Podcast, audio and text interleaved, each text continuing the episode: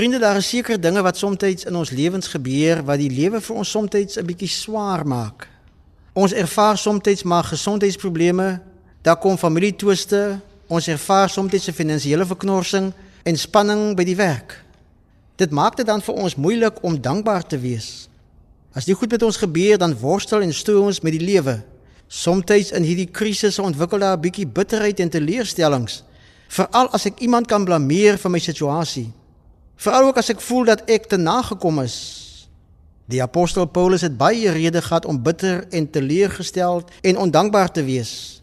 Nogtans skryf hy vanuit sy ongunstige posisie in Efesiërs 5: Wees altyd en in alles dankbaar. Dit lyk asof hy wil sê ook vir die teleurstellings en die swaar kry en die lyding moet ons dankbaar wees. Dankbaarheid sê die apostel moet 'n alledaagse ingesteldheid wees. Die diepte van 'n mens se geestelikheid word bepaal deur jou dankbaarheid. Om dankbaar te leef voor die aangesig van God ten spyte van al ons omstandighede, moet ons strewe wees. Ons moet altyd daarteen waak dat die stryd wat ons stry, nie 'n ondankbare hart ontwikkel nie. Ten spyte van al die dinge wat ons laat swaar kry, is daar tog vandag iets om voor dankbaar te wees.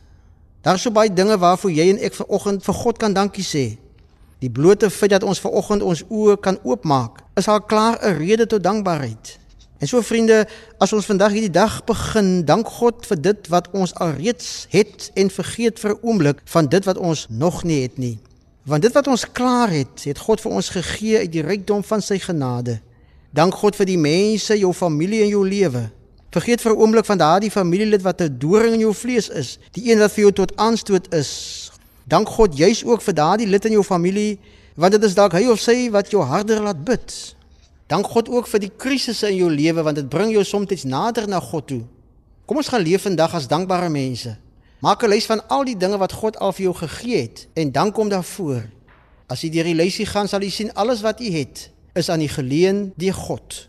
Here ons bely vanoggend dat ons heel wat dikwels vergeet om dankbaar te wees vir dit wat U vir ons gegee het. Vergewe ons daarvoor en maak ons vandag dankbaar. Amen.